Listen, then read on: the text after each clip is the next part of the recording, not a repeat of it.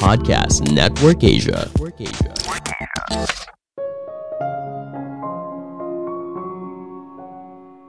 Berpikir kreatif itu artinya kamu harus berani mendobrak pemikiran lama dan keluar dari status quo. Halo semuanya, nama saya Michael. Selamat datang di podcast saya, Sikutu Buku. Kali ini saya akan membahas kalau mendobrak pemikiran lama dan mencoba hal baru bisa menciptakan sesuatu yang ajaib. Ini merupakan rangkuman dari video TED Talk Christina Tosi yang berjudul My Secret to Creating Real Magic dan diolah dari berbagai sumber. Dari mana ide kreatif berasal? Kita pasti bertanya-tanya, kenapa ada orang yang bisa menelurkan sebuah ide yang kreatif? Ternyata, kebanyakan orang yang kreatif merupakan pemberontak. Mereka berani keluar dari status quo dan melanggar pakem yang sudah ada. Sebelum kita mulai, buat kalian yang mau support podcast ini agar terus berkarya, caranya gampang banget. Kalian cukup klik follow Dukungan kalian membantu banget supaya kita bisa rutin posting dan bersama-sama belajar di podcast ini.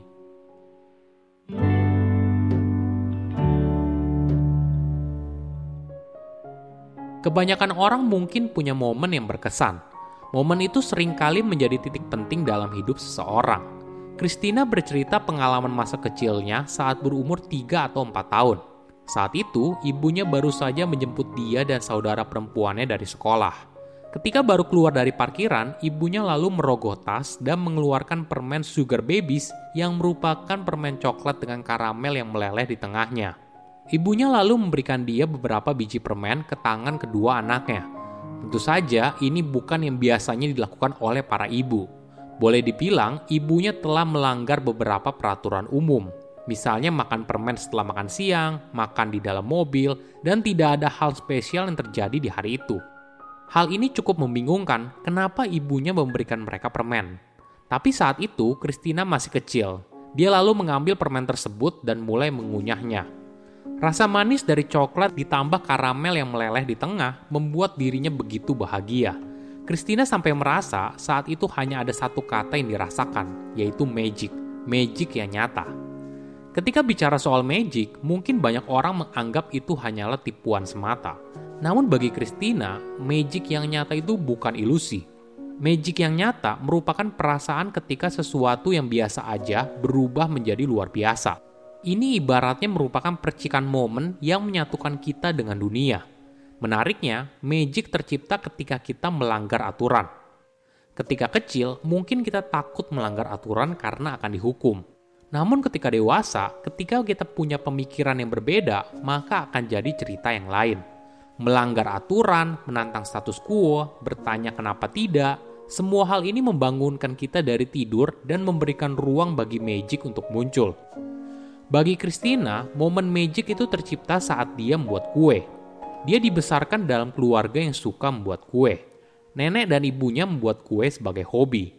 Namun bagi Christina, membuat kue bukan hanya sebagai hobi, tapi merupakan bagian dari hidup. Christina memulai perjalanan bisnisnya dengan menjual es krim. Dia tidak ingin hanya menjual es krim vanila atau coklat. Bagaimana kalau dia menjual es krim yang berbeda? Christina pun berusaha mencari inspirasi dan teringat saat kecilnya. Ibunya dan dia saat itu punya kesepakatan karena Christina merupakan anak yang sulit makan, maka ibunya memperbolehkan dia untuk makan sereal sebanyak mungkin asalkan susunya habis diminum. Kejadian masa kecil ini membuat Christina punya ide yang menarik. Dia lalu bereksperimen dan menciptakan es krim dengan campuran sereal.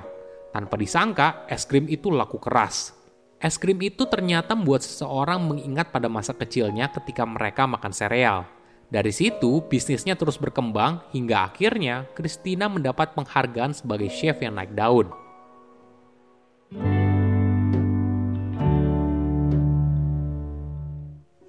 Apakah kamu ingin jadi orang yang kreatif? Mungkin kita bisa belajar dari pesulap. Pesulap boleh dibilang merupakan orang yang kreatif. Mereka bisa membuat seseorang percaya pada hal yang tidak mungkin dengan cara yang sederhana sehingga tidak heran momen kreatif sering kali disebut sebagai magic moment. Menariknya, menjadi kreatif bukanlah sesuatu yang kamu miliki sejak lahir, tapi berasal dari sesuatu yang ditemukan, diasah, dan ditingkatkan dalam periode waktu tertentu. Menjadi kreatif juga bukan eksklusif milik para pekerja kreatif, seperti penyiar, seniman, atau penulis. Setiap orang juga perlu kreativitas. Misalnya, mencari solusi dari sebuah masalah kecil ataupun besar juga butuh tingkat kreativitas tertentu. Bahkan jika kamu meniru solusi orang lain, kamu masih perlu memberikan sedikit sentuhan personal agar membuatnya bisa bekerja. Untuk menghasilkan sesuatu yang kreatif, jangan ragu untuk gunakan imajinasi. Imajinasi dan kreativitas itu sering kali berkaitan. Imajinasi adalah berpikir tentang sesuatu yang tidak ada, sedang kreativitas adalah melakukan sesuatu yang bermakna dengan imajinasi, misalnya dengan melanggar aturan. Namun perlu dipahami, melanggar aturan itu bukan artinya melanggar hukum, tapi artinya kamu melanggar semua batas yang ada di sekitar imajinasi kamu. Itulah yang buat kita sering dengar kalau berpikir kreatif itu harus out of the box. Misalnya penemuan ilmiah yang bisa mengubah dunia hanya berasal dari peneliti yang cukup berani untuk mengimajinasikan hal yang terlihat mustahil, lalu mengetesnya di dalam laboratorium. Terkadang, ide yang kamu temukan hanyalah satu bagian dari sebuah teka-teki yang besar. Kamu mungkin tidak bisa memecahkannya sekarang karena kamu hanya punya satu bagian. Namun pelan-pelan, kamu mulai menemukan bagian yang lain hingga akhirnya menjadi sebuah puzzle yang lengkap. Kreativitas juga boleh dibilang seperti menghubungkan dari satu titik ke titik lainnya. Titiknya sudah ada, namun butuh keahlian seseorang untuk menghubungkan titik tersebut sehingga menjadi sebuah lukisan yang indah.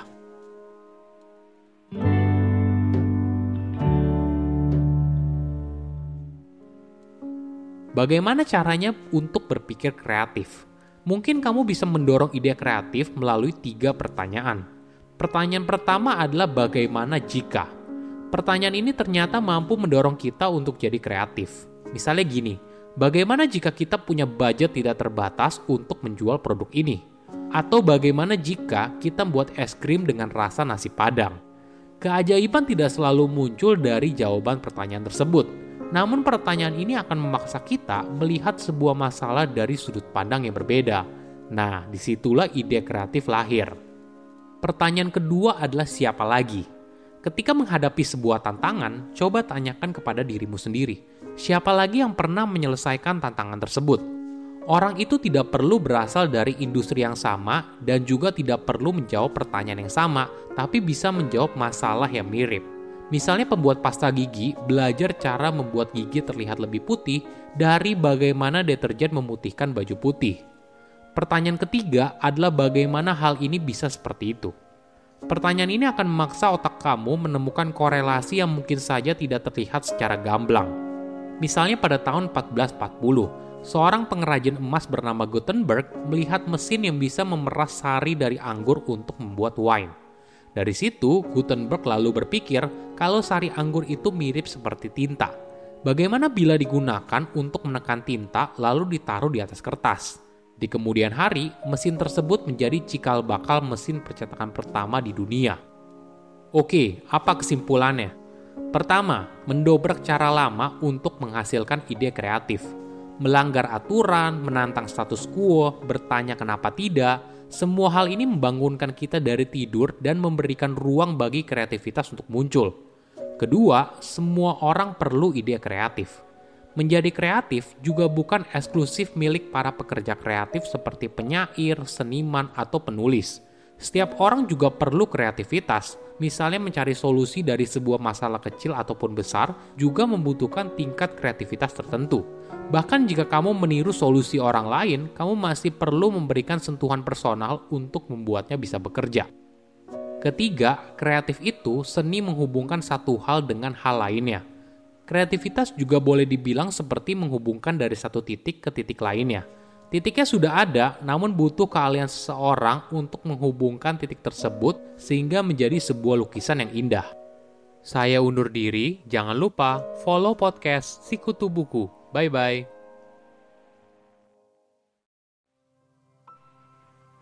Pandangan dan opini yang disampaikan oleh kreator podcast, host, dan tamu tidak mencerminkan kebijakan resmi dan bagian dari podcast Network Asia.